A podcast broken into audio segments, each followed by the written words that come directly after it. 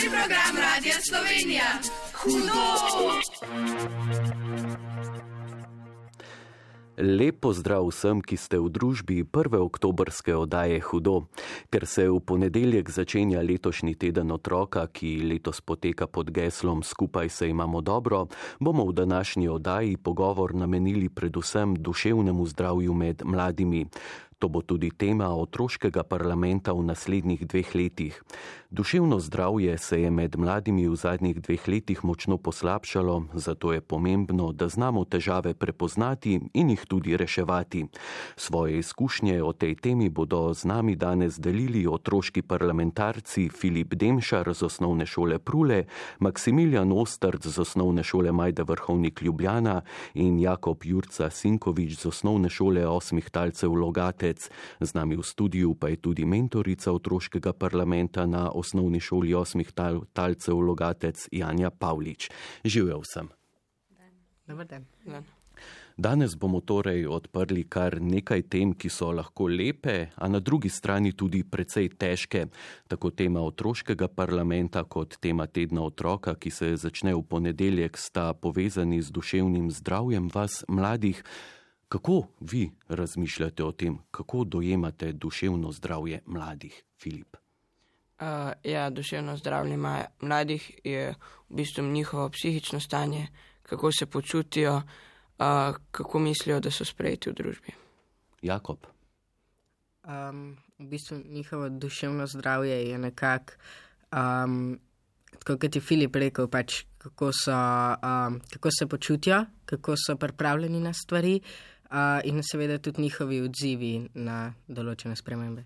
In pa še Maksimilijan, kakšno je tvoje mnenje, kaj je duševno zdravje mladih? Uh, duševno zdravje je, da um, recimo um, sprejemajo sebe dobro, um, da nimajo uh, takšnih um, problemov potem sabo, potem, da so um, tudi pripravljeni na svet, pa kako vidijo, kako so sprejeti v družbi. Se pravi, gre za nek skupek stvari, ki krojijo to, kako se počutimo. Ne? In v uvodu vabila na posvet ob tednu otroka je zapisano, da se je duševno zdravje otrok v zadnjih dveh letih poslabšalo. Vi nam lahko o tem poveste kaj iz prve roke, kakšno je duševno zdravje mladih po vaših izkušnjah? Uh, ja, vsekakor se je um, duševno zdravje v zadnjih letih um, močno poslabšalo, morda tudi zaradi uh, te um, koronavirusa, ki smo ga imeli zdaj. Uh, tako da vidi se več težav na tem področju. Kakšnih pa?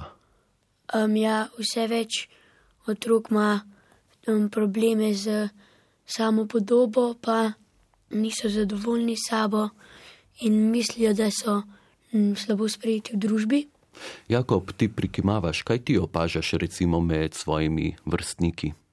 Um, ja, zdaj, ko smo bili zaprti v karanteni, um, opažam, da je vedno več ljudi, se pravi, bilo bolj samih in so se seveda tudi poskušali um, nekako obrniti na internetni svet. Um, sem pa definitivno tudi opazil, da so zdaj tudi, kaj je šola, ker smo skupaj, so še zmer velik na igricah in tako. Uh, tako da so tudi mal bolj asocialni. Um, in pač nasploh se opaža v družbi, da, so, da je mogoče tudi mal več agresije, sploh v pogovorih, da so bolj taki odrezavi. Filip, kako se je torej spremenilo življenje po koroni, recimo temu?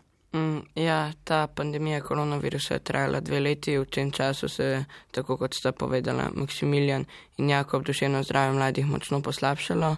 Um, pozna se te dolge mesece osamitve, nisi imel stika s šolci oziroma si ga imel zelo malo, uh, tako kot je Jakob dejal. Um, v nekaterih pogovorih je res nekoliko odrezavosti, nekateri so res malce bolj vase zaprti.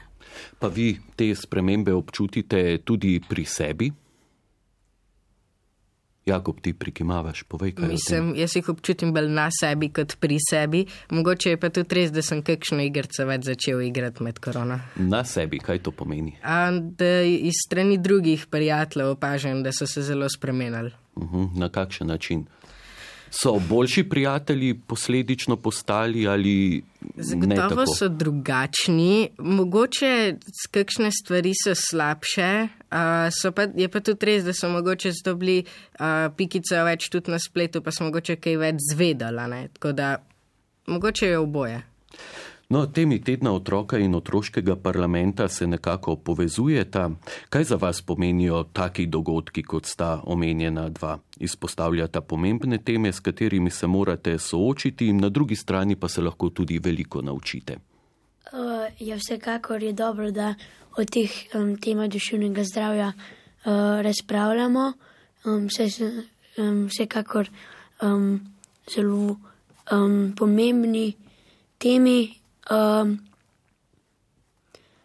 No, in uh, teden otroka se bo začel v ponedeljek, kot rečeno, letos poteka pod geslom Skupaj se imamo dobro. Ali boste v okviru tega kaj pripravili na vaših šolah? Ja, Filip, se pravi, uh, ti si iz osnovne šole Prule, kaj pripravljate? Uh, ja, res je, mi imamo na šoli šolsko skupnost, na kateri se pogovarjamo o idejah in seveda je beseda tekla tudi o tednu otroka. Uh, dogovorili smo se, da ima, vsa, uh, da ima cela šola na posamezne dneve kakšen dodaten bombonček oziroma bonus, te nima v četrtek, ne bomo imeli ocenjevan, pa tudi dan brez domačih nalog ali zvezkov pridete. Dobro ste se to dogovorili, učenke in učenci. Uh, pa pri vas, Jakob, na osnovni šoli osmih talcev Logatec. Um, ja, po mojem, da bomo. A sicer mislim, da še ni čisto rečen kaj, ampak zagotovo pa bomo. Ja, in pa Maksimilijan z osnovne šole Majda Vrhovnik Ljubljana, tudi pri vas se bo zagotovo kaj dogajalo. Ja, um, pripravili bomo zagotovo nekaj um, projektov, ki pa še niso čisto določeni, ampak. Um, Bo ne. pestro, ne? Boja. Uh, pojdimo nazaj v Logatec o dogajanju na osnovni šoli osmih talcev. Boste verjetno lahko več povedali vi, mentorica Janja Pavlič, kako boste obeležili teden otroka. Ja, um, jaz se moram zdaj tukaj uh, kar nasmehniti, ker je Jakob tako lepo zavil, da se bo dogajalo. Ampak letos tudi jaz nisem čisto pravi naslov za ta vprašanja, ker je kolegica prevzela teden otroka. Tako da uh, stvari, ki jih poznam, pa vem.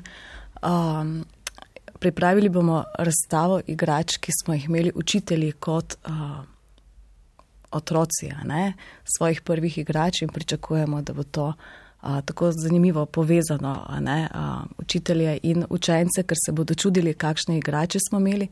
Potem pa imamo vsako leto en projekt prijateljstva med razredi, kar pomeni, da so prijatelji med razredi prvošolci in devetošolci, drugošolci, osmošolci in tako do petega razreda.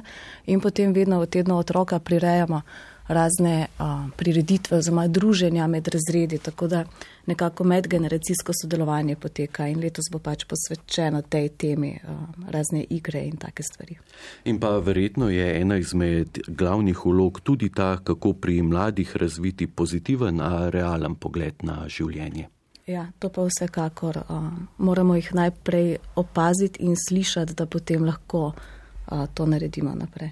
Filip, je pa tako, da okoliščin, v katerih ste mladi, pogosto ne morete spreminjati, na kakšen način dogodke okoli sebe skušaš ti obrniti čim bolj sebi v prid, da se imaš dobro.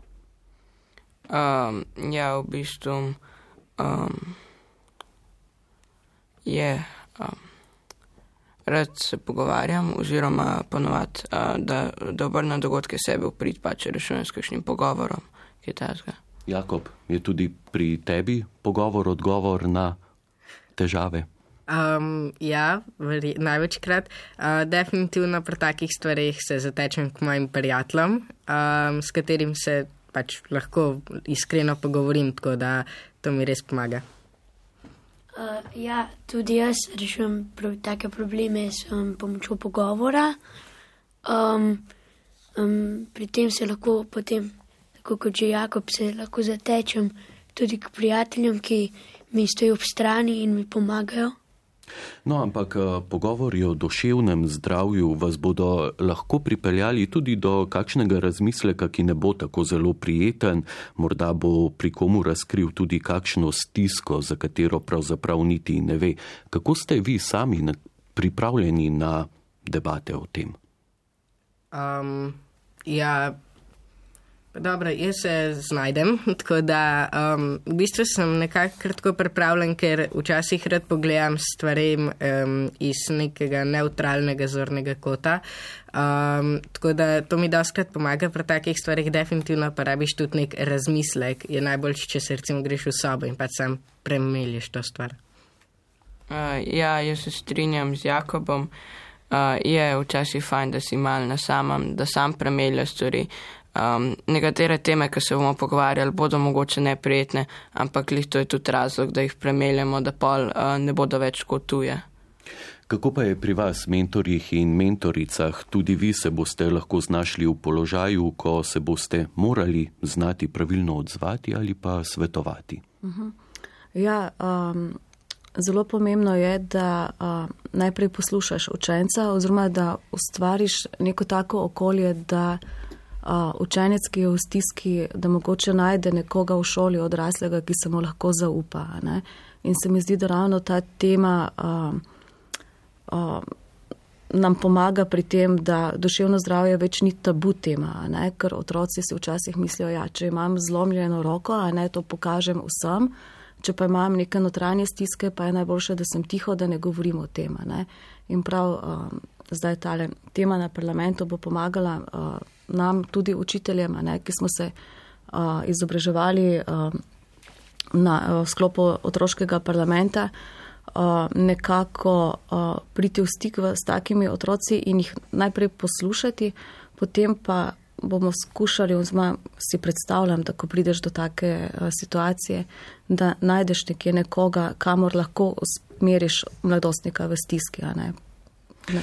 No, ampak duševno zdravje ne sestavljajo le stiske, ampak je povezano tudi z lepim, če so na eni strani težave, je seveda na drugi strani veliko lepega. Filip, kaj vse je na tej svetlejši strani in dela tvojo mladost lepo? Uh, ja, nedvomno so to prijatelji, uh, z njimi se lahko iskreno pogovorim, uh, lahko debatiramo o stvarih, ki jih ne morem, uh, z nekaterimi ljudmi, ki jih ne morem tako zaupati kot njim, uh, včasih se tudi kaj pošalimo. Kaj. Jakob. Ja, tako kot je Filip rekel, zagotovo prijatelji, uh, tudi nekateri učitelji, um, ki naredijo že take mehne stvari, ki mogoče včasih res niso ful potrebne, ti ful polepšajo dan in tudi starši, definitivno. Maksimilijan. Ja, jaz tudi bi rekel, da prijatelji, s katerimi se lahko pogovorim, uh, lahko imamo takšne pogovore, ki jih drugače ne bi imel z drugimi ljudmi, zato ker prijateljem recimo kar zaupam in um, lahko pač se z njimi pogovorim in tudi um, recimo učitelji pa starši pa tudi prijatelji naredijo take, kot je že rekel Jakob, mehne stvari, um, ki jih v bistvu na začetku skoraj ne zaznaš, pa pa vidiš, kako ti v bistvu polepšajo dan. Ste vi, trije fantje, zadovoljni z mestom, ki ga imate v družini, med prijatelji, v šoli? No, poslušalke in poslušalci tega prikimavanja ne vidijo, tako da, Jakob, ti si bil najbolj unet, povej kaj o tem. Uh, ja, definitivno sem si v družini, odkar smo dobili še bratca, sem si izboril svoje mesto pod soncem. Čestitke. Hvala. Um, drugač, v sami družbi v šoli mi je čisto v redu, par, par kolegov, ampak neč tako posebenega. Nasploh v družbi med odraslimi tako, um, se pa čisto v redu počutim se mi zdi, da sem sprejet. Pa kaj bi vi recimo rekli zase, ali vedno potrebujete neko potrditev, to si pa dobro naredil, to, tole je super, ali znate živeti tudi brez tega, da gre neka stvar pač le mimo? Uh, ja, jaz um, včasih je fajn imeti kakšno pohvalo, ampak nisem tak človek, ki bi rabo za vsako stvar, ki jo naredim pohvalo. Večkrat doma naredim kaj tudi tako. tako da. Kako torej izražate svoja čustva, pa naj bodo pozitivna ali pa negativna? Uh, ja, včasih um, um, rabim kakšno pohvalo, um, ampak drugače pa um, nisem tako um, zelo, uh, ne rabim tako zelo veliko pohval, um, kot recimo eni drugi, mlajši. Um, uh, zato tudi potem nima problemov s takimi stvarmi. Ampak pohvalo, kdaj pa kdaj rabimo vsi, ne jo je lepo Ja. slišati. No, teden otroka, ki se začne v ponedeljek in bo trajal do nedelje, kot sem že omenil, poteka pod geslom Skupaj se imamo dobro. Na Zvezi prijateljev mladine Slovenije so zapisali, da so povezavo našli tudi v naslovu pesmi ambasadorja projekta, reperja Nipkeja. To je pesem Skrb se mava dober, ki bomo prisluhnili zdaj. Morda lahko preden jo slišimo, poveste še to, kako se kako si vi z glasbo lepšate dneve ali pa olajšate trenutke, ki niso ravno najlažji. Ja, ja, jaz velikrat, ko moram kaj premlet, ker sem jezen na koga, grem v sobo, pa si pržgem radio, pa pa poslušam glasbo. Mentorica. Ja, uh, jaz pa zelo veliko radio poslušam in uh, ko mi je kak fajn komat, ga dam full na glas. Maksimilijan. Ja, tudi jaz, recimo, če imam kakšne težave, kdaj pa moram to tako na samem, recimo, um, premlet mal. Ali pa recimo tudi, če imam slab dan, kdaj grem pa pržgem radio, pa poslušam. Jakob. Um, ja, jaz pa hodim v glasbeno šolo, tako da si doskrat tudi zaigram na moj inštrument. Um, definitivno pa tudi kakšne take pesmi, predvsem sicer angliške, ampak tudi to rad poslušam, da si mal zbistri misli. Ja, glasba zagotovo lahko obarva celotno paleto čustev. Prisluhnimo zdaj Nipkeju in pesmi Skrb se mava dober. Prvi program Radia Slovenija. Hudo! Danes se družimo z otroškimi parlamentarci, ki so v pripravah na 33. zasedanje otroškega parlamenta, katerega tema bo duševno zdravje otrok in mladih. Prav tako pa je del našega pogovora danes tudi geslo Skupaj se imamo dobro, pod katerim se v ponedeljek začenja letošnji teden otroka. In če omenjam geslo Skupaj se imamo dobro, kaj za vas pomeni to, da se imate dobro? To je lahko skupek najrazličnejših dogodkov, občuten, čustev. Jakob, kaj pomeni za te, se pravi, da se imaš dobro? Um, da sem vesel, definitivno, da se zabavam, uh, pa največkrat, da sem odzuni s, s prijatelji. Filip, Uh, ja, tudi za me pomeni to, da sem vesel, se zabavam, se družim s prijatelji, z družino. Uh, Maksimilijan, Ja, tudi za me, da sem recimo vesel, da se zabavam, da smo s prijatelji zunaj, recimo tudi igramo nogomet ali pa kitajska, pa tudi da počnem tako stvari, ki so meni osebno všeč. se pravi nogomet in stvari, ki so ti osebno všeč, pa Jakob in Filip, katere stvari zbujajo tiste najbolj pozitivne stvari v vama? Uh, ja, uh, jaz zelo rad berem, sem ljubitelj knjig, sploh resničnostnih zgodb, tako da velikrat pol kakšno knjigo preberem ali pa kaj takega. Se pravi, tudi ti, Jakob, ne prikimavaš. Ja, jaz tudi rad berem, uh, sicer tega ponovadi ne delam lih s prijatelji, tako da s prijatelji smo ponovadi bolj odzuni, poslušamo muziko, mogoče kaj s kolesom, kakšne trike delamo. Maksimilijan, kaj pa če gre kaj narobe? Kaj opažaš? Ali obstaja kakšna razlika med fanti in dekleti, kako pristopite k iskanju težav? Kaj ti opažaš? Ja, vsekakor mi um, na naši šoli se um, zelo dobro razumemo z drug z drugimi, tako da nimamo težav z sporazumevanjem, pa spori pa tako. Pa pri vas, Jakob? Uh, ja, pri nas tudi se dosta v redu, seveda včasih pridejo kakšni incidenti vmes, ampak drugače pa kar v redu. Kaj pa opažate vi, mentorica Janja Pavlič? Deklet z nami v studiu danes sicer ni, pa vendar imate kot učiteljica na osnovni šoli osmih talcev Logatec zagotovo veliko izkušenj, kako se reševanja težav lotijo na eni strani fantje in na drugi dekleta. Um, jaz mislim, da so dekleta na vzven bolj povezana druga z drugo in so v tistih skupinicah, ko si imajo ogromno zapovedati. Ampak, ko pride do resnično nekega problema, pa ga večkrat zadržijo zase. Fantje pa se mi zdi, čeprav na videz delujejo, da niso tako tesni prijatelji. Pa takrat, ko pride do problema, se znajo pogovoriti ali pa najti rešitev nekje drugje, do koga drugega odraslega stopiti, prej kot pa dekleta. Fantje, ali torej drži stereotip, da ste fantje bolj odporni od deklet, da vam stvari pozneje pridajo do živega? Je to res? Ne? Uh, ja, včasih je, včasih ni, odvisno pri katerih problemih smo. pa um, pač kakšna sredstva imamo in okoliščine, pa s kom lahko tudi to rešimo. Ne? Ampak verjetno je pa najslabše, ne, kot smo danes že omenili, če stvar zadržite v sebi in o njej ne govorite nikomur. Ja, definitivno je to res. Um, bi pa tudi rekel, da se, uh, da se zelo razlikuje od osebnosti človeka. Se pravi, nekateri so ful pripravljeni se pogovarjati o stvarih, uh, drugi so pa spet, no, bom raj presep premlev, sicer da skrato pa tudi vod do kakšnih depresij ali pa kaj tasga, ampak še vedno. Ja, to je zelo nevarno, ja, če držimo stvari v sebi. Ali morda pri vas treh obstaja kakšna vrsta težav, o katerih si ne bi upali spregovoriti, torej, da bi jo kljub vsemu zadržali v sebi, Filip? Um, ja, zdaj meni se kaj tasga še ni zgodil. Uh, Siguren bi v kakšnih situacijah kaj zadržal zase, ampak um, bi premlev, z nekom bi sigurno premlev, ali bi starši oziroma z družino, ali bi pa s prijatelji. Jakob. Ja, Mogoče so kakšne stvari, ampak bi rekel, da jih je zelo malo, sploh pa v končni fazi, če si jih ne upam s prijatelji, bi pa starši to pač, glede na to, da so jih moji najtesnejši. Ja, tudi meni se zdi tako, da mogoče bi kakšne stvari, ki jih ne bi rad govoril, kol bi najprej zadržal zase, ampak pa bi najverjetneje videl, da uh, pač to ni v redu, da ne bom nič sam naredil in bi se potem šel s kom pogovoriti.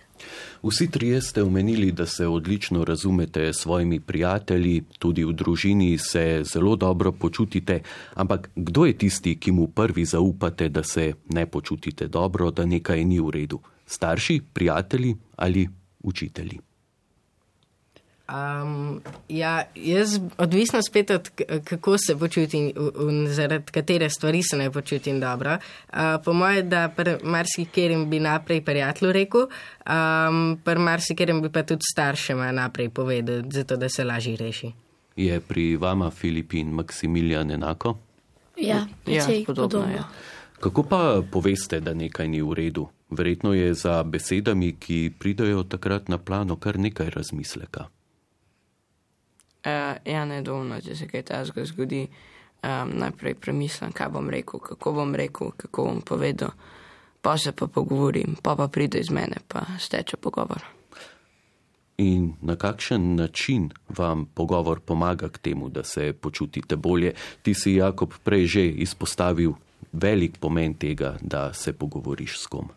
Uh, ja, definitivno je lažje, kad ti nekdo drug da pogled iz njegovega zornega kota. Um, in je potem mogoče tudi vidiš, da stvar ni tako grozna, kot se zdi v tvojih očeh.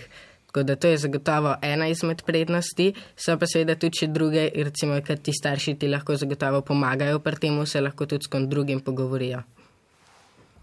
Uh, ja, tudi meni se zdi tako precejšno pomoč potem, da bi jim tudi pri starših, ne pa potem, ko premislim, um, potem pač, ko se pogovorim z nekom, pač steče ven iz mene in pa mi je lažje, ker ne držim več v sebi. Janja Pavlič, kako pogosto ste učitelji tisti, na katere se otroci obrnejo zaradi težav? Uh -huh. Jaz sem zdaj ob a, teh odgovorih razmišljala, a, kako pomembno je predvsem pri nas učiteljih to, da prepoznava, da mogoče nekaj ni v redu z nekim učencem, da je v stiski, preden on spregovori, recimo z, neko, z nekovim spremenjenim načinom obnašanja, vedenja, z odzivom na določene stvari in ga na nek način spodbudimo. Ne mogoče direkt, a je vse v redu, a rabiš pogovor, pridi k meni, ampak da skozi kakšno uro neformalen pogovor speljemo, da lahko poišče nekje nekoga, s katerim bi se pogovoril. Uh, tako da, ja, se zgodi, da uh, predvsem uh, med odmori ali pa če imamo dneve dejavnosti, večkrat učenci pristopijo pa začnejo s takšnim lažjim pogovorom, potem pa se poglablja tale pogovor in na tak način se učenci odprejo pa spregovorijo o kakih svojih težavah. Tako da sem kar relativno vesela, pristopijo in spregovorijo o težavah ne seveda vsi, pa ne veliko krat tisti, ki bi morali, ampak se trudimo. Filip, pa ponavadi že ta prvi pogovor prinese tudi rešitev težav. Kaj takrat, če jih ne, kako ti postopaš in kaj bi svetoval tistim, ki nas poslušajo? Uh, ja, včasih se zgodi, da res prvi pogovor ne prinese rešitve težav, ampak zato je treba nadaljevati, biti ustrajen, uh, ustrajati na svoji poti. Jakob in seveda, ne, tako kot je omenjala mentorica Javnja Pavlič, tudi odnosi v šoli pomembno krojijo vaše počutje. Po tvojih izkušnjah, kako kruti pa ste lahko mladi drug do drugega? Um, ja, zelo. Um, predvsem uh, na vzven se opazi predvsem fizično nasilje, je pa tudi velik uh, psihičnega. Um, je pa res, da mogoče, kar se tega tiče v razredu, uh, se jaz uh, najraj pogovorim naprej z razredničarko, um, oziroma staršem naprej povem, ker je tako najlažje rešiti, ker lahko tudi uh, učitelji orgirajo tle. Ker recimo, če boš to ti prijatelju povedal, mogoče prijatelj ne bo mogel to korigirati, ker kakšen drug odrasel. Znajo biti pa so vrstniki kar kruti. In kdaj bi vi trije stopili nekomu v bran in rekli dovolj je? Ste že bili kdaj v taki situaciji? Prikimavate, povejte, kaj se je zgodilo. Um, ja, jaz sem v mojem bivšem razredu eno sošolko, ki so ji um, skozi neki nadlegovali. Um, in res je, da sem ji stopil sem ji obran večkrat. Ampak um, večkrat, ko sem ji stopil obran, večkrat so pa te, um, ki so jo njo nadlegovali, so pa tudi mene začeli nadlegovati. Tako da rad se postavim za ljudi, rad jim pomagam, ampak vidim pa, da to z nami tudi kar hude posledice. Filip. Uh, ja, uh, tudi pri nas na šoli je parkrat prišlo do kakšnega verbalnega izzivanja, tudi na meji pretepa. Tako da pa smo sošolci posegali vmes, pa umirili strasti, pa so se pa, se pa vse s pogovori rešili. Maksimilijan. Uh, ja, tudi tažni problemi so se tudi v našem razredu zgodili, ampak pa smo pač um, en drugemu stali ob strani in smo pa premagali težave, um, težave in uh, rešili tudi s pogovorom. Potem. Torej je tega medvrstniškega nasilja veliko? Ja, ja. sploh uh, psihičnega.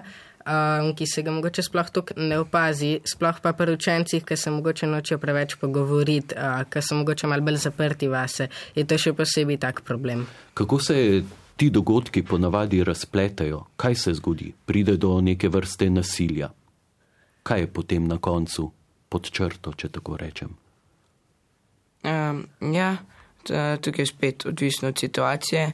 Ene primere, a, za katere pač oseba oziroma prijatelj dosti hitro pove, pol hitro rešimo, preden pride. Včasih so pa pol tudi kakšne posledice, tako na žrtvi, kot tudi na pač tak, ki je. Pa rešujete to večinoma sami med seboj ali s pomočjo učiteljic in učiteljev? Tukaj je spet odvisno od situacije, ampak glede na to, jaz sem deveti razred, tako da večinoma med, sabi, med sabo rešujemo. Včasih tudi ne prenese tisto prvi dan rešitve, ampak pol naslednji dan se pa pač vse uredi. Mentorica Janja Pavlič, šolski delavci ste v primerih medvrstniškega nasilja postavljeni pred težko nalogo, nekega univerzalnega pravila, kako pristopiti k razreševanju, uh, ni, pa vendar, kaj opažate pri svojem delu, kateri pristopi so najbolj učinkoviti? Um, tako na prvo žogo bi rekla pogovor in vzgled. Um, čeprav pri teh primerih, ki so jih zdaj fantje navajali, ne morem mimo tega, da se mi v šoli vedno moramo postaviti v nek širši kontekst. Torej, na eni strani imamo žrtev in na drugi strani nasilneža. In pri nasilnežu je zelo pomembno, da mi nekako zvemo, zakaj se tako vede, zakaj je nasilena, ne, zakaj izvaja ali psihično, fizično, besedno nasilje, ker ponavadi izvira to nekje ne vem, iz njegovega življenja in potem moramo tudi njemu pomagati, ne, da preprečimo vnaprej takšno vedenje. Um, tako da smo kar v precepu, ne, da ga tudi tega nasilneža na koncu zaščitimo, čeprav, ker je tudi on veliko krat žrtev, ne? niso žrtve samo tisti, nad katerimi se izvaja nasilje. Um, in razredne ure recimo so temu namenjene, da se pogovarjamo o, o medvrstniškem nasilju, o tem, kako ga preprečiti, kaj narediti, ko pride do medvrstniškega nasilja. Mi recimo na šoli imamo en preventivni program, temu rečemo, ko se na razrednih urah od četrtega razreda naprej pogovarjamo prav o tem, o vseh vrstah, o reševanju medvrstiškega nasilja. Tako da ja, delati treba preventivno na teh stvarih, ne šele takrat, ko pride do njih. Pa imate dovolj vzvodov za reševanje težav? Kakšno je vaše mnenje? Namreč mnogo krat lahko slišimo, ne, da je nasilnež bolj zaščiten uh mhm. -huh. kot sama žrtev. Ja. Um, težko bi se tole odgovorila. Um,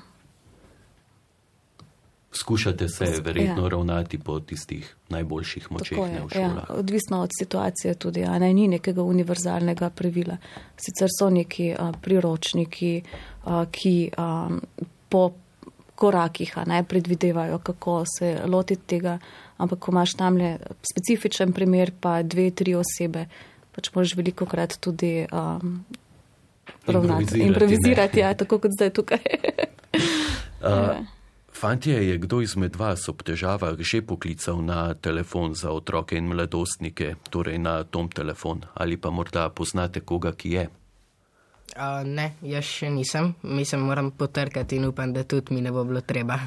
Pa, ja, tako je tudi pri meni, pa tudi ne, nisem imel še takšnih težav, tudi pri sošolcih in opažam um, težav z nasiljem, tako da upam, da tudi noben nikoli ne bo rabo um, poklicati na ti telefon. Filip, čeprav no, nihče izmed vas treh še ni poklical in res naj ostane tako, da tudi ne bo, meniš, da je morda lažje tako prek telefona anonimno povedati nekomu za svoje težave? Uh, ja, nedvomno, včasih je tak način najlažji, ker uh, ti se pogovarjaš z neko anonimno osebo, ona zate ne ve, kdo si. In tako je, mislim, včaj, v enih situacijah je tako lažje rešiti, v enih je pa pač tak način težji. Mentorica Janja Pavlič, tudi to je ena izmed možnih oblik pomoči za mlade, jo otrokom v šoli predstavite. Ja, uh, vedno vsako leto ob tednu otroka, pa tudi zdaj uh, zadnjo leto, ko imajo akcijo uh, tega Tomovega nahrtnika, ki hodi od uh, šole do šole, smo recimo v lanskem šolskem letu smo sodelovali in smo v vsakem razredu izvedli prav razredno uro na to temo, tako da so učenci tudi uh, pisali o svojih težavah in smo jih recimo posredovali naprej pa um, sam sistem delovanja in predvsem to smo povdarjali, da uh, so tam anonimni, da jih ljudje ne poznajo in da uh, mogoče, če res ne najdejo sogovornika uh, ali v šoli, v družini, med prijatelji, da se naj poslužijo te telefonske številke in poiščejo pomoč. Če je kdo v stiski in potrebuje pogovor, lahko Tom telefon pokliče na anonimno brezplačno telefonsko številko 116 111 vsak dan od 12. do 20. ure. No, kot smo danes že rekli, k dobremu počutju pa lahko prispeva tudi glasba, zato ji bomo zdaj prisluhnili. Prvi program Radia Slovenija. Hudo! Poslušate oddajo Hudo, v kateri pred začetkom tedna otroka, ki bo letos potekal pod geslom Skupaj se imamo dobro, z otroškimi parlamentarci in mentorico govorimo o duševnem zdravju mladih. To bo tudi tema otroškega parlamenta v naslednjih dveh letih. Mladi ste zagotovo izpostavljeni tudi številnim vplivom, ki prihajajo iz okolice, ne le v medsebojnih odnosih, tudi svetovni splet v vaših življenjih igra veliko vlogo. Na kakšen način znate možnosti, ki vam jih ponuja svetovni splet, izkoristiti sebi v prid?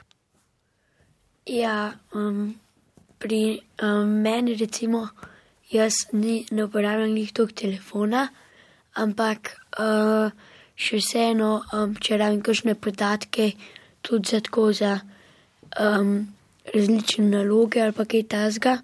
Ampak opažam pa, da pri kakšnih drugih sovrstnikih se pa um, pač dogaja, da so pa kar velik na spletu, pa da um, se ukvarjajo tudi velik telefoni pa to. Filip.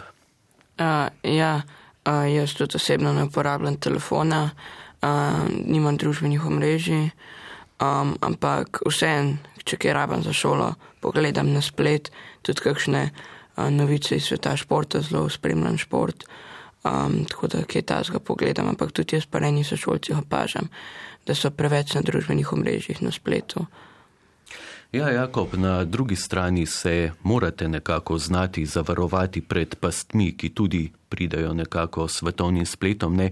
Mnogo stisk med vami mladimi danes izvira iz prisotnosti prav na družbenih omrežjih, ki jih je ravno omenil uh, Filip.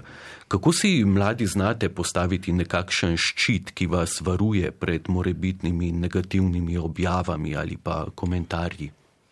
Um, ja, Mogoče to je, to je malo taka težka tema. Uh, včasih se nekateri se tako zavarujemo, da mogoče ne objavljamo tok, da smo bolj um, taki mirni, a drugi pa se zavarujejo, ne vem, obstajajo neke aplikacije, da se ti to ne dogaja, pa tako, ampak še vse ne, nekako ne moreš se preveč zavarovati, oziroma definitivno probaš čim manj nasprotovati drugim, če opaziš, da se z nečim ne strinjaš, mogoče čim bolj pri sebi zadržiš, ker glede na to, da to govoriš verjetno z enim iz druge države, pa tako ni vreden, da kar neki posreduješ.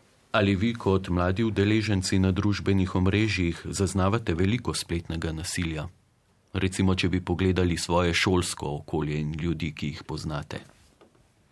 Um, ja, jaz, kot sem že povedal, nimam družbenih omrežij, ampak, ko se pa so šolci pogovarjam, tega nasilja ni, ni, ni veliko, sploh na naši šoli. Ne.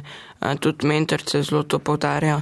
Mama, kot je že prepovedala, mentorca, koliko ima pa ni za to duševno zdrave. Imamo tudi mi kleste in družbenimo omrežje, za družbeno omrežje, kljub temu, da se to nekaterim sošolcem zdi najprej brez veze, pa vseeno vsi prisluhnejo, pa poslušajo.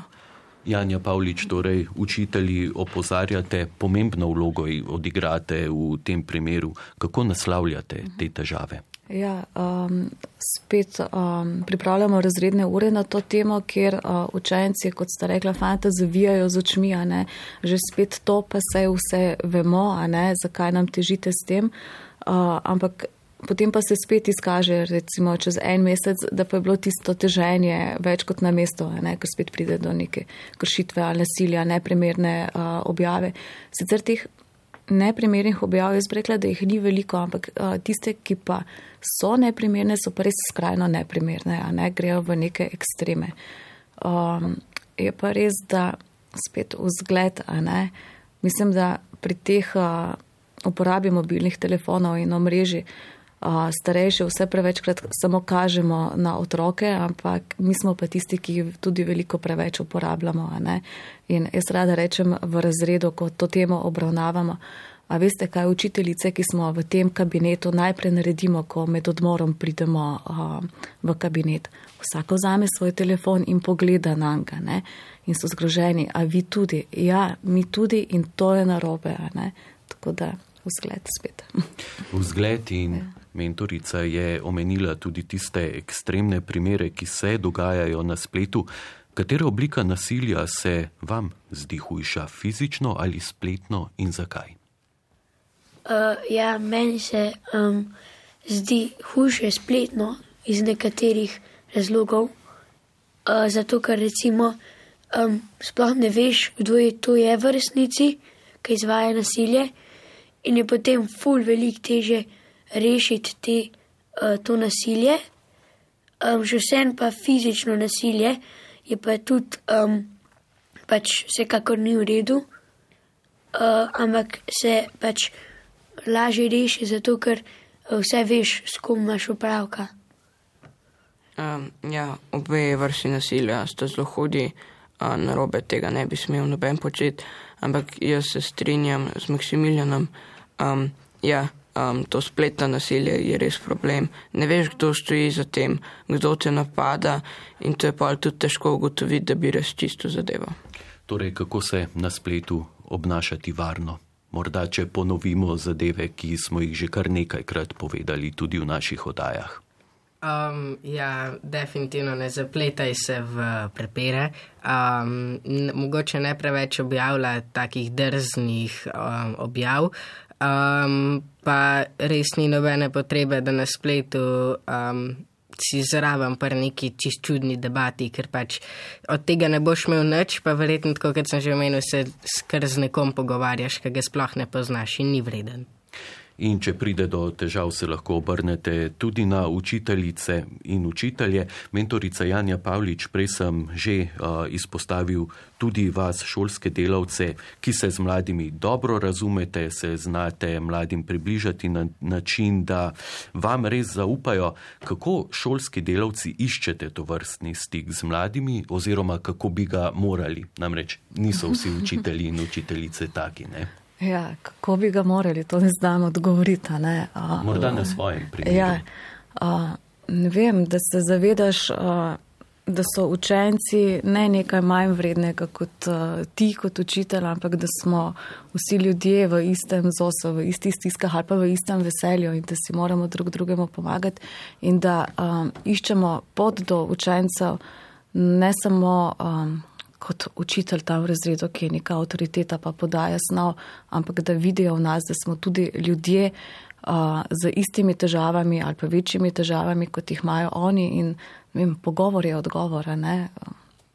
Kako varne se mladi počutite v šoli? Ali kdaj sploh razmišljate o tem?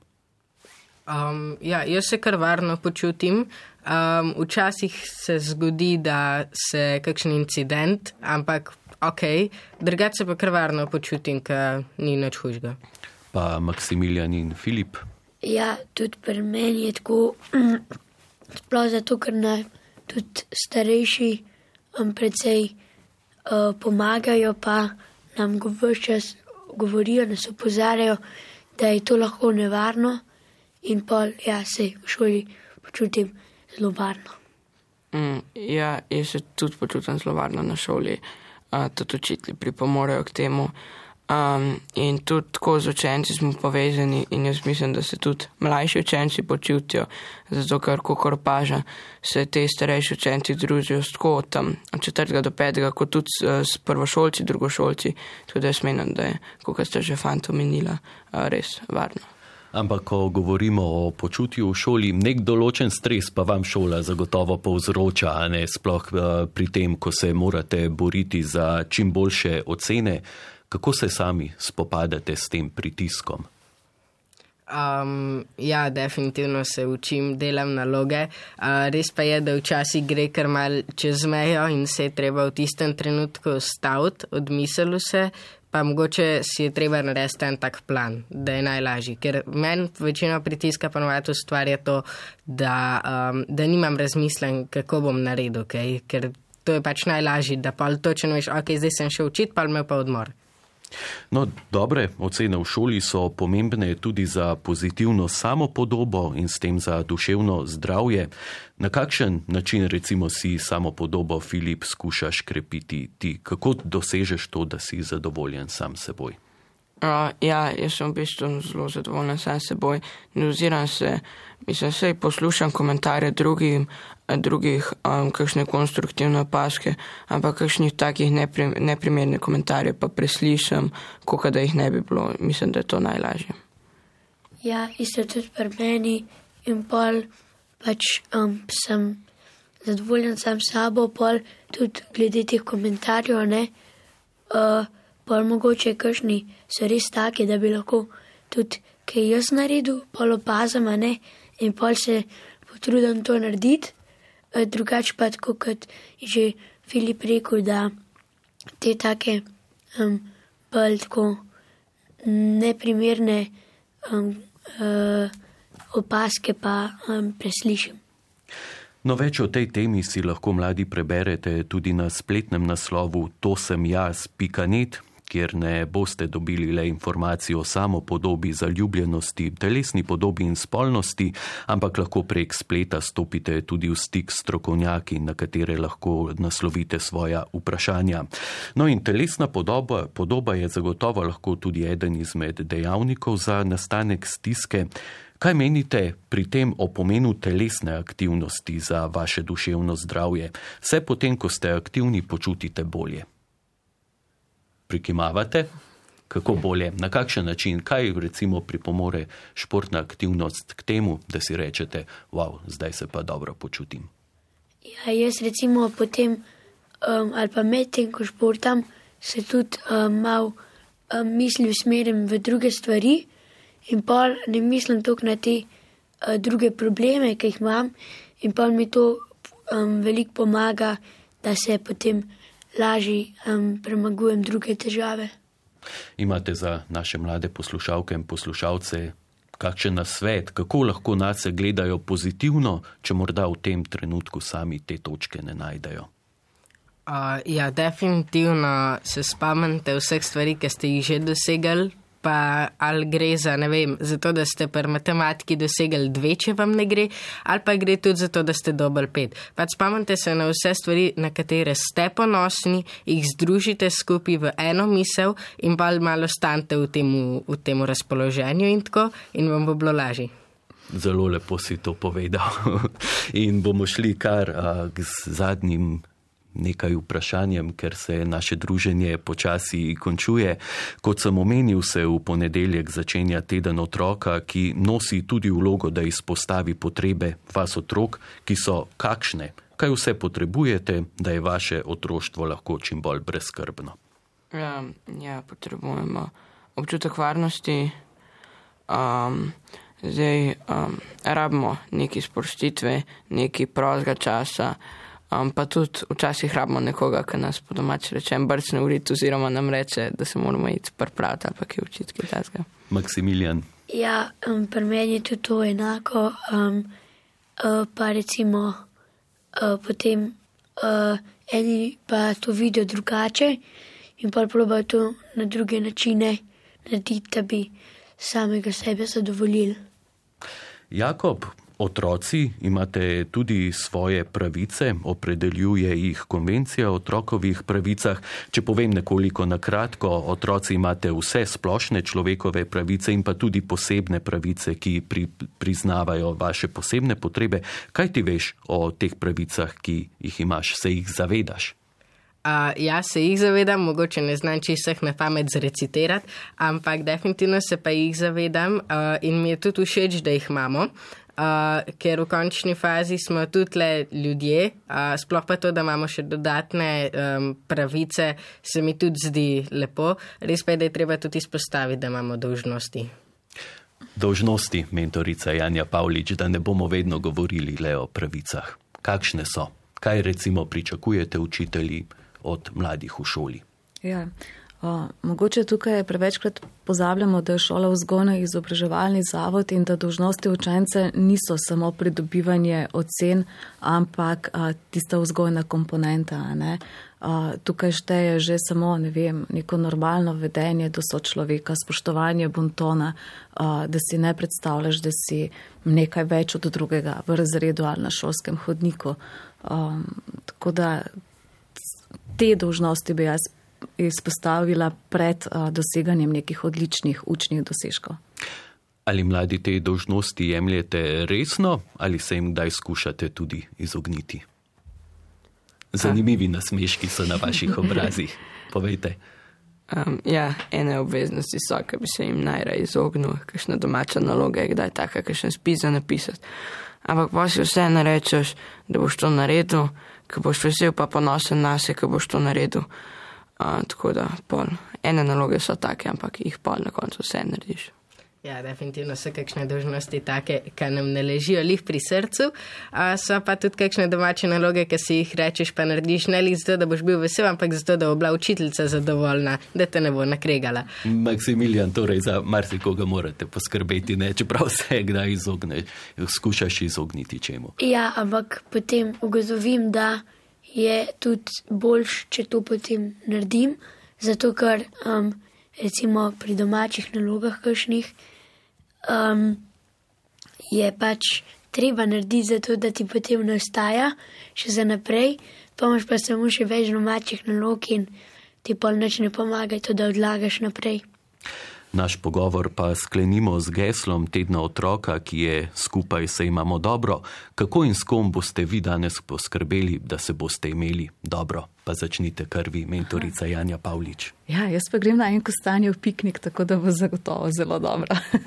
Maksimilijan. Uh, ja, mi bomo danes z družino, bomo šli uh, skupaj k babi dol na Primorsko, uh, jo bomo šli obiskat, pa ja. Jakob. Uh, ja, jaz sem pa verjetno kar z mojo družino doma, pa z bratcem, predvsem sem mali igral, mogoče bomo malo ležali, tako da bo tako umirjen dan. In pa Filip. Uh, mene čaka pa danes zelo aktiven dan, uh, skupaj z rokometnim klubom um, bomo odšli v Radovljico, imamo tekmo gostovanje, tako da pogrem pa še na eno tekmo uh, slovenske ženske rokometne reprezentance v Stožice. No, bomo vsi držali pesti popovdne za Filipa in njegovo ekipo. Ne? No, in imejte se res dobro ne samo danes, ampak vedno otroški parlamentarci Filip Denšar z osnovne šole Prule, Maksimilijan Ostrc z osnovne šole Majda Vrhovnik Ljubljana in Jakob Jurca Sinkovic z osnovne šole Osmih talcev Logatec ter mentorica otroškega parlamenta na osnovni šoli Osmih talcev Logatec Javnja Pavlič. Hvala vam, da ste z nami bili danes in delili iskrice in iskrene odgovore ter z nami preživeli to uro. Vse lepo vam želim in imejte se dobro, skupaj in ko boste sami. Prvi program Radia Slovenija. Hudo!